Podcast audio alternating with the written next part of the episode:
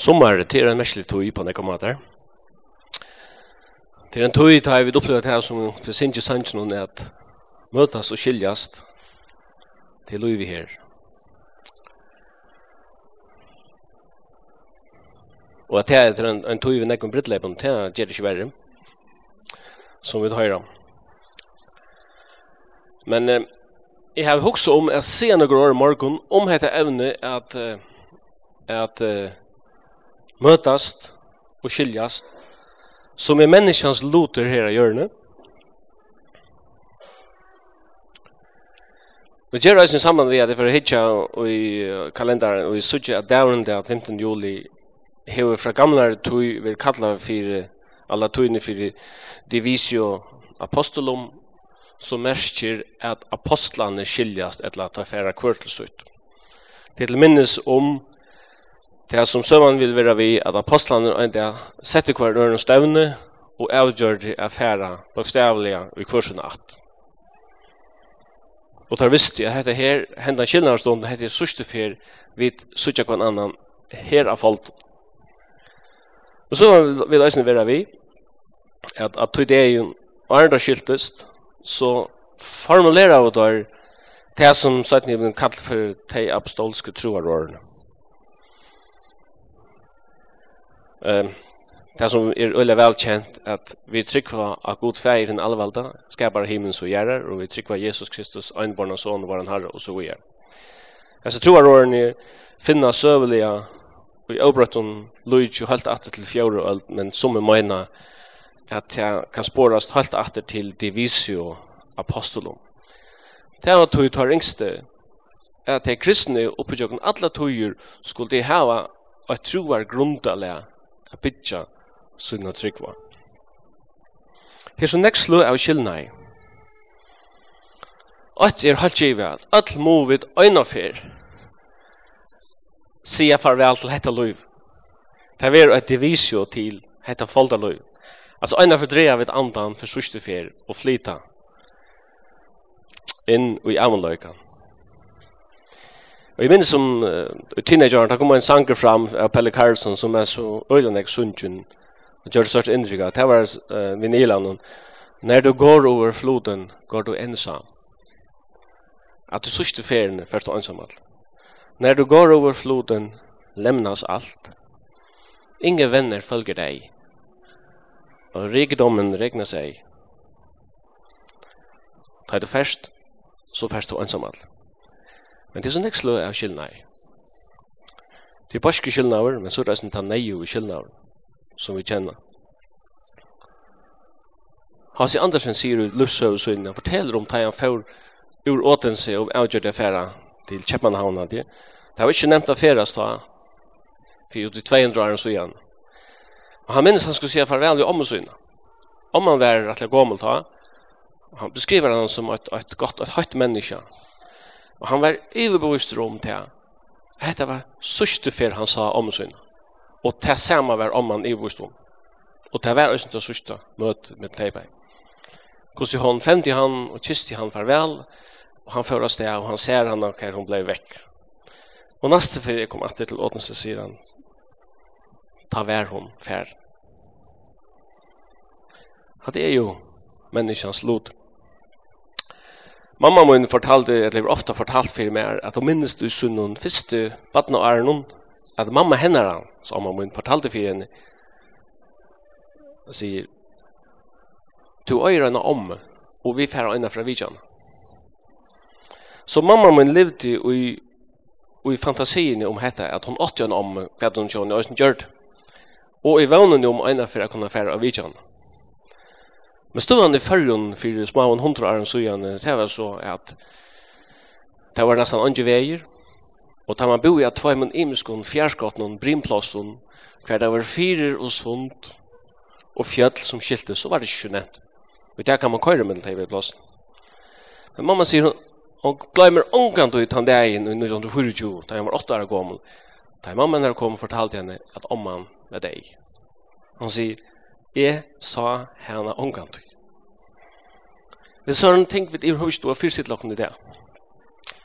Det er teket av cirka 70 minutter av køyre med den der bygter som skaling og viarøy. Men det finnes en skillnaver som er verre enn negar anna skillnaver. Det er skillnaveren i middelen skapningen og skaperen.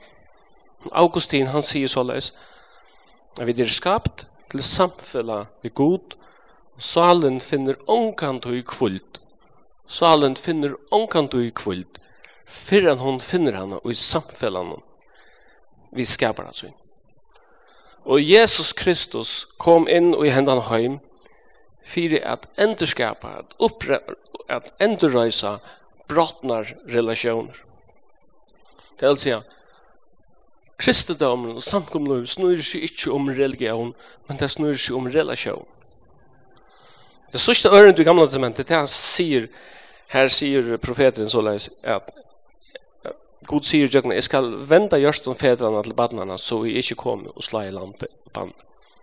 Det snur ikke om connection, det snur ikke om samband. Og den sørste bøysen gamla testamentet, Malakias, er egentlig en også døper bøk å lese, og minner med tøyen om å lese dømere bøkken. Og leser du Malakias, så sier du nok av religion, men God saknar de djupe relationerna vid sitt folk. Og han får ångan øyna for så lengt at han sier om religionerna at hei, det bare vi anker middeltikkere som kunne stank tempeldittnar så tid ikke til åndsjus kinda eld av alt her munn. Så alvorlig var. Men han lovar i, enda noen i sista kapitlet i Malakias jeg skal senda tikkun Elias som er en fyrrennar, en mindre Johannes Døybaren som skulle komma undan Jesus. Det er en kapittel i skriften i New Testament som kanskje handler mer om relasjonen enn några annar. Lukas evangelium kapittel 15 som beskriver for meg i början at Jesus er en at Jesus Kristus er en drejande med, han er en magnet. Kapitlen byrjar vi å si at alle tattlar og syndare hilde sin nær til honom, för jag höjde Han det var virkelig nega som dro. Han hei nega djeva, han hei nega øysa som tiltrekte folk. Alle tattlarar og syndarar hilde seg nær til hon at høyre han. Men bei henne skriftlar du farangerer en knarra og sa han teker imot syndar og han eter ut dem. At eta og tatu er menta vær ein, øyn du at sammen vi ein person så hei du at det var en aksept du gav til. Alltså ett vet att han kunde ett vet att Jesus ut av gudene kunde hälsa på en toddlare. Det kunde han men han äter vet du. Han det har en hållning grej fick inte lov att stanna och svära. Men respons på att ta sig henne lucknes. Han säger om en tycker och hundra säger och missar en. Hvis det hundra säger och en bråden relasjoner, Kvar är det han som fer ikkje fra dem 95 ut i øyemørsene, er løyte etter til øyne. Og ta i han finner han. Lekker han han glæver herren der. Og ber han høy. Og da han kommer høy, kallar han vinerskynder og sier, gledes vi mer. Jeg har funnet seimun som jeg har mist. Og så fortsetter han og sier, etla. Om en kvinne har tog ikke drakmer, om jeg ser øyne bort, altså. Den griske valuten, at misse du eina drakma av tutsk. Hvor er hon som tendrar ikkje ljose og saupar i husen hon og løydar inntil hon finner han. Og ta henne funnet henne. Kallar hon vinkkoner og grannkoner sunnar og sier, «Gleis vi mer, jeg har funnet drakmana». Ta i kylnavren er endurøst. Så sier han, så la si til kom, vi glei i mitt engler som hun ein en som hender om, mer en en om til rattvis som ikkje tar omvending. Vi gjør en åren, en enderskapt relasjon her av sete sette nækka bevegelse og tui av i heim, og i himmelen. Og så helder han fram i de tre myndene, i samme lukkene som sier, og en med over heie tvær syner. Skal stekka løsende vi har som syner. Han brukar ju tre tre metaforer eller mynter. Det första är en säger. Det nästa är en mynter, en pension. Og det tredje er mennesker syner. Det er utrolig imiske metaforer som er brukt her. Men alt er nekka, det er nekka til felaks. Det som ikke en sier til det han er vir. Han er verdui for øyeren. Og det som jeg kjenner av en mynt, av en pening, er til at han hever vir. Han kan brukes til å handla vi. Og kvært vi er noen sånne. Det er et vaktår å si at han hever et vir. Jeg føler man lukka som at han har det. Det dekker ikke for meg. Men Jesus brukar tro i fullkomlig imisk. Fyrir i trimon myndun at, at Luisa hva det er vi han kom til. At opprata samfellat. Men seieren i livande, Han har vilja og evner til å flyta seg sjálfur. Så han tendrar i kylja oss for jeg løyde i husen hon etter seien. Det stender at han far ut i øyemarsjene a løyda. Han er ikke avsett fyra dager eller tvær timer til løyde seien. Det stender at han løyde i inntil han fann han. Det var ingen, ingen som man sier, deadline. Han løyda i Intland fann. Då han var lengt vekk.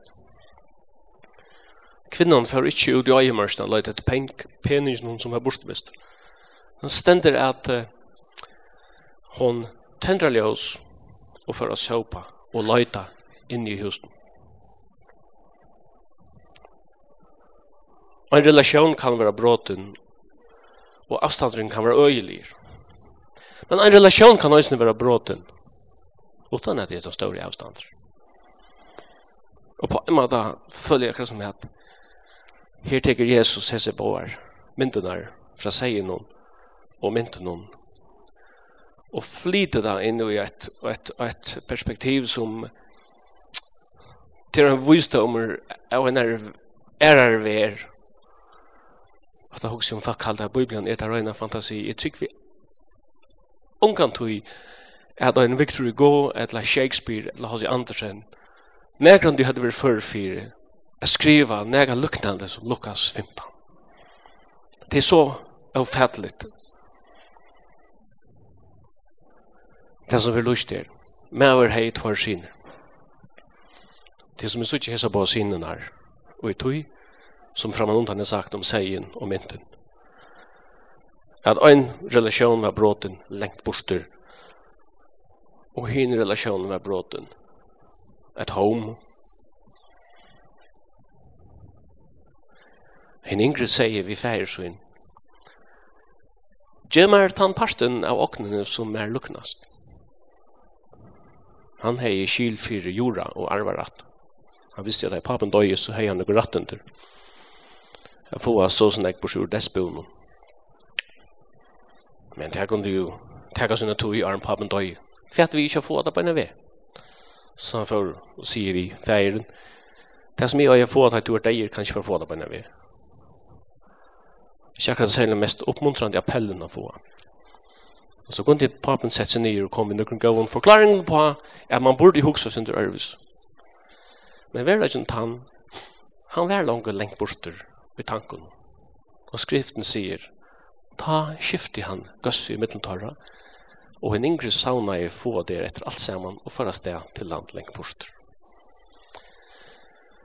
Det er en sannrøynd at god hever jo menneskjon en frujan vilja, og han leder, som det stendig skriva, han leder sølvsunna rysa i vrønduga og han leder rekna i rattvus og avrattvus.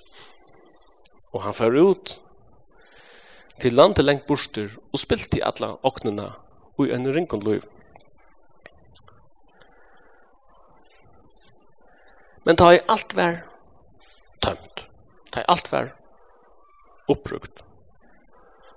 Og visa kortet vær sperra. Du har vært kanskje i uttrekk. Ta kom hungersnei i hessen landon lengt borster. Nu prøver han å oppsøkja et arbeid Og ein av mannen i landen bjøa i hånden er passa noe svoin. Men den er øyelig sterk hvis du setter han inn i en kulturell kontekst. Grys svinene ser vi jødiskon egen vær jo et fullkomlig aurant kreatur.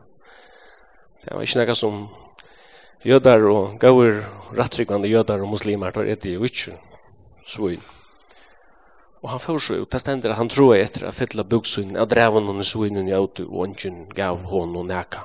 Her er jo du, hendan jødiska sonen og i landet lengt borster, som sitter i middelen svin. Hva drar han heimann fra? Tanken og fantasi, det blir alt. Avgjørende er det som vi gjør, det blir alt i tanken. Vær var et hjärsta framom allt. Jag tackar kvar huxan till fänka oss skriften om. Så han var flottig borster. Och i tanken om Arna för hemman fra, rent fysiskt. Men eisen ser så i den positiva tøytningen, så blir det høylig tanken. Så medan han sitter med den så inne, så hoksar han. Hvordan menn ikke daglunna menn har man ikke feir munn, har ikke giveflå av brei, og et av. Det køyrer her. Og så sier han, jeg skal røysa meg og færa og han røstest og kom. Men medan han enn var lengt bort, så affæren han, og han rann upp mot hon i han. Og så var han er øyla velkjent. Du gøy og kolden ble slagt av og ta skulle de etast, og de skulle være glad.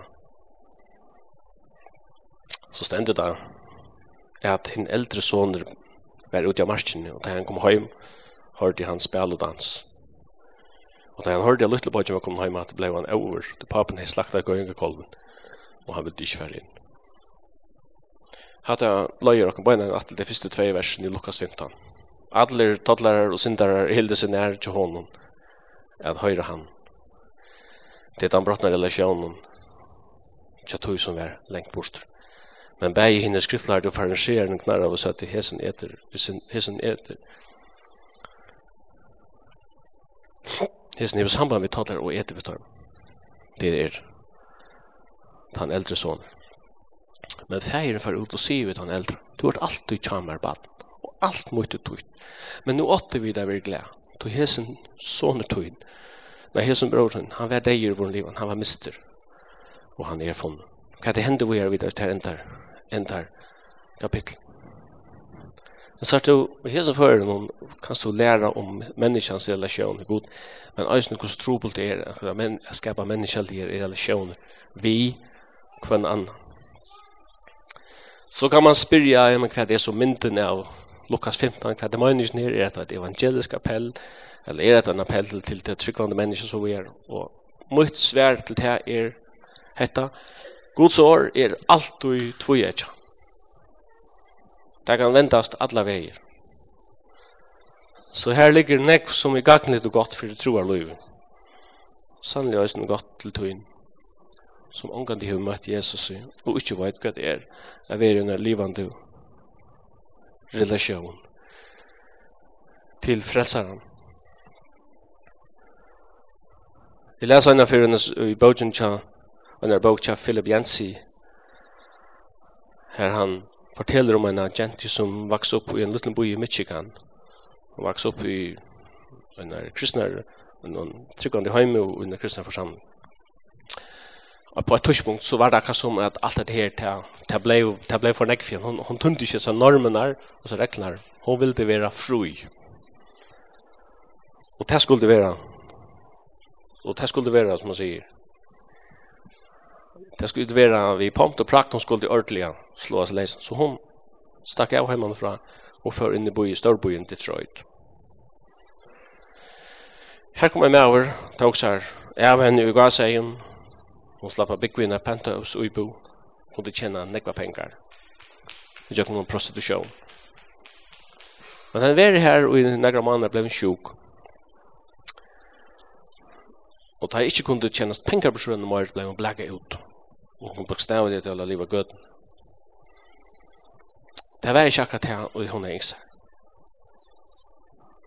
Och hon tog inte känna för orsker ikke inte til å för hjemme, till det var en emojant. Men det är sa hon en mjölk en mjölkakartong och en mynd av en gente av mjölkakartong. Hon kände att det var mynden av hennes kjølver. Och spurningen var, är det några som känner disse genterna? Man kan så omargera så i USA man kan etterlysa folk kan mjölka kartangen og så videre. Da jeg sa til han, så tenkte jeg om Det er ungen som kjenner meg atter så som jeg så ikke ut i det. Vi munner frisyre og piercing og make-up og alt det der. Men mynden av mjölka kartangene sette nekka gong du igjen. Og det var meimann og hun hoksa jo om at nu, nu spretta kirsebyrtrøyen heima. Så foreldren kommer. Så lenda tog hun telefonen og ringte til heim. Det kom automatisk telefonsvärare til. Så hon ringte 17 i atter. Atter automatisk svær. Da jeg automatisk svær kom til 3 fyr.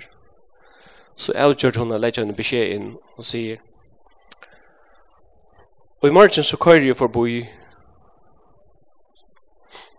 til bussterminalen i byen i Tjåkon. Jeg kom i av midnatt. Hvis jeg ønsker nere mot meg av terminalen, så halte jeg fram til Kanada. Vi stekker i 15 minutter. Turen til byen tok tjej tøymar. Hun beskriver hvordan nervøs og bengen var som hun nærkast bussterminalen. Da hun kom til bussterminalen stod, sa hun at alle bodjane kjønne stod her, og systrene, foreldre og skiltfølg, enta og en lenge om. Og det stod vi en stor bannere som sier, Welcome home.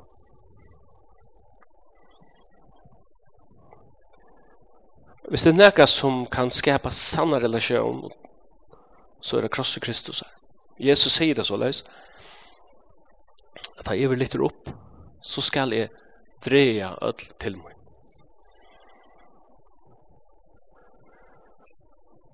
Anki skapar verlig relasjon utan om krossen.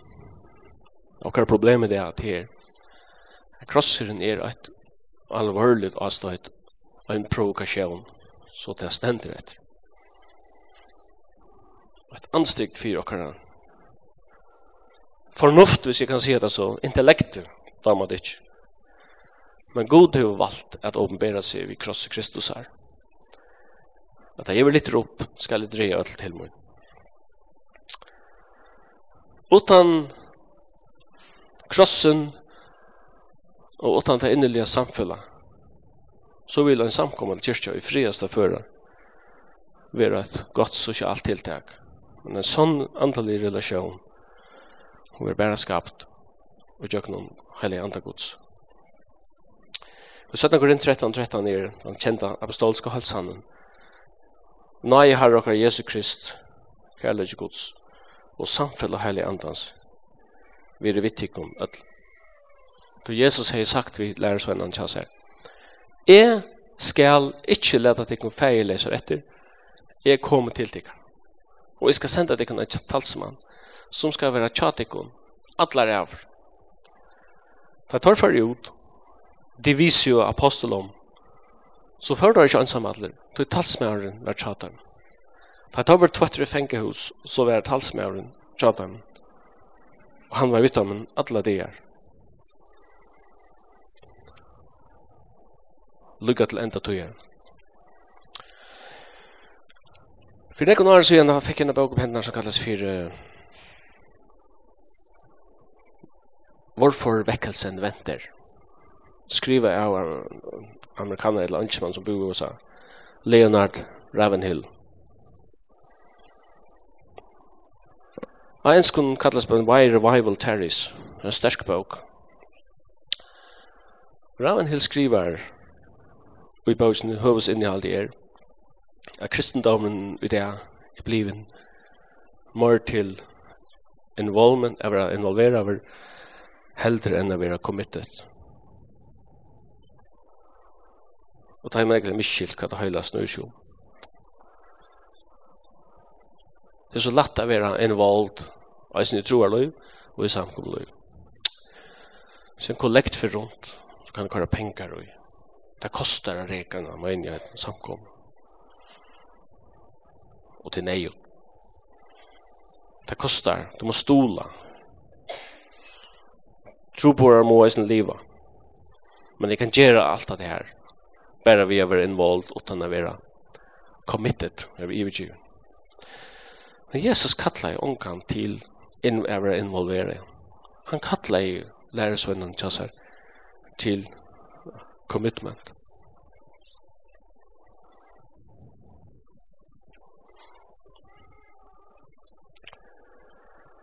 Jeg har en mynd som jeg tok av ned noen, av gravstøynen til Leonard Ravenhill, som skriver i bøkene Why Revival Terries. Ovast stender Carried by Angels, Leonard Ravenhill en pen utskrift. Fra 1906 til 1994. Og så hever eh, gravsteinen hendan underteksten. Are the things you are living for worth Christ dying for? Spørsmålstegn. Det er så opp til tøyne om å inn og svære på handla spørsmål. Hva livet du for? Are the things you are living for worth Christ dying for. Amerikaneren Stevie Hill forteller at han vidtja i Ravenhill stutt åren han døye. Han sier at Mauren var vøyker, men det var som han var i noen dag av en vulkan, sier han. Jeg kjente andan og øynene, som var frusker og brennende. Og ta i vidt det han hitje at divisio apostolum hitje til. Hver enda et løy, hvordan enda et løy vi kjøper så kan man diskutera eller kan man spyrir seg sjálf hvordan nekka min løy er commitment og kos nekka er bara being involved. Du her skiljas vit og her møtast vit.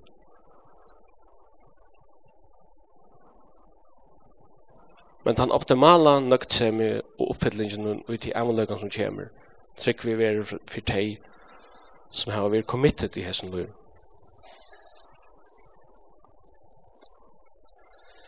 Ingemann Ischir en salme, det er kveldarsalme, fred hviler over landeby, han er føreskaver, det kjenner nå dævren enn der.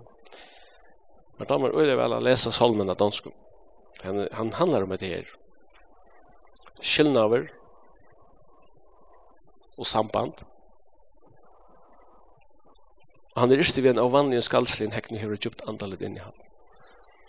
Han sier så leis, det er så stille og så tyst i himmel og på jord, vi er også stille i mitt bryst, du flyktning som der bor. Slutt fred, med, slutt fred og hjerte med ved sjel, som her deg ei forstår, se over by og del i kveld, nå fredens engel går. Så ikke han vi er om angelen, Som du han är en fremmed här, till himlen står hans ho, då i det stille stjerneske, Han dveler här som du. Och så ser man, og lär av ham din aftensang, fred med beskjed på jord. til samme himmel går vår gang, adskilles en vår spår. Og så det sista vers. Och ta jeg ofte om ommene til mamma mun där läser det här. Fred med vi fred med vi hjärta fjärn och ner som oden roman slå. Fred med i fång som jag har kär och dem. Jag aldrig så. Hittar vi det att Apostolum divisium kusar enda löv så kan det gänga stort i jökken hela sörst. Andreas lärarsvännen, då är ju Greklandet av en krosse som var sett raskak ett med X. Han var ofta kallad for Andreas her krosser. Bartolomeus er nok samme lärarsvänner som Johannes här evangelien vi kallar for Nathanael. Som Jesus sier om etter en useldsmär som ikke sviker i. Han predikar i Kristus i Armenia og Indien, sier Sjövan. Og enda är löv at hoven var flätt av honom, arn han var dripen. Apostlen Filip virka i bo her, Paulus. I Little Asia var han tidsen og fester og en littjande kross og støynaver. Og Jakobs sonner Zebedeus var driben vi svør i Herodes her som omtaler i apostelsøren. Judas Tadeus og Simon Silotes virka av saman i Persia og ta var slittner til deis. Jakobs sonner Alfeus var støynaver i Jerusalem. Apostelen Peter var krossfester i ram.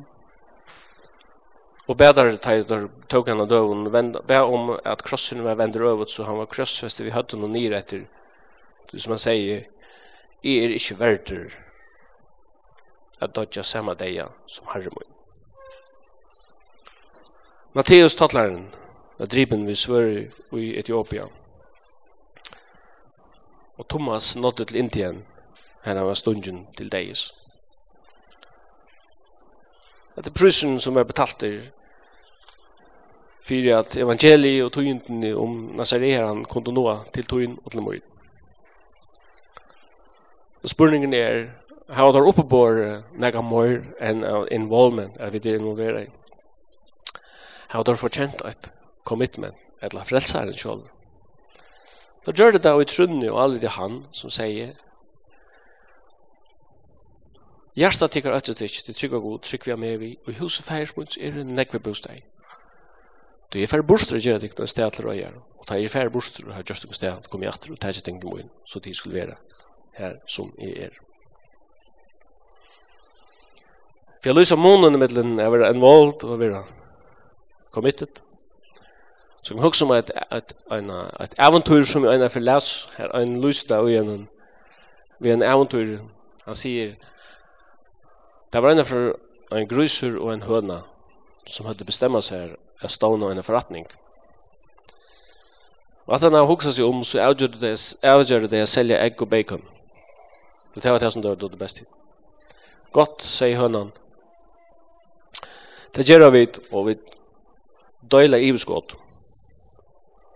Men så sier gruseren, jeg halde ikke at det er rettvis, sier han. Og hønan spyr hvor. Nu sitter ganska bästa enskon. Han säger You only have to lay egg. I have to lay down my life.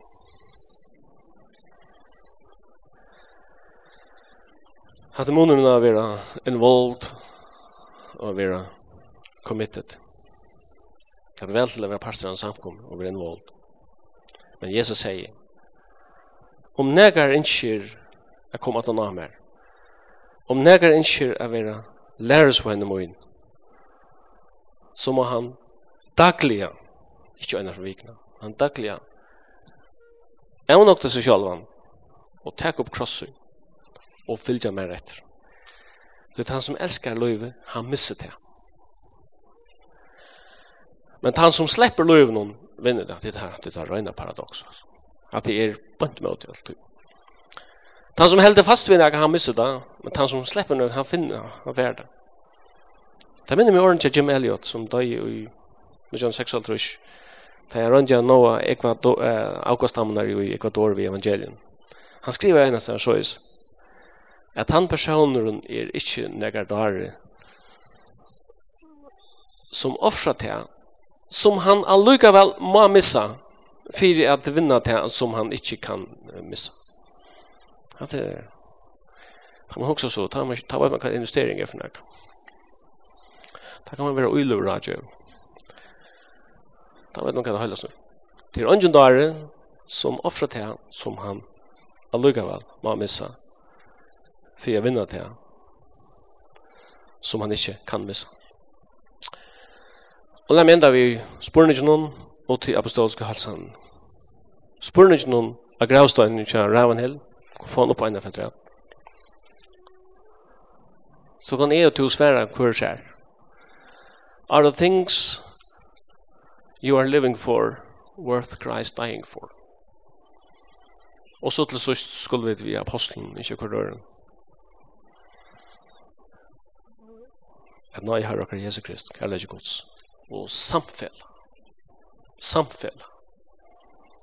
Det er jo brøydelige samfellet, heilig antans skal være vittig Amen.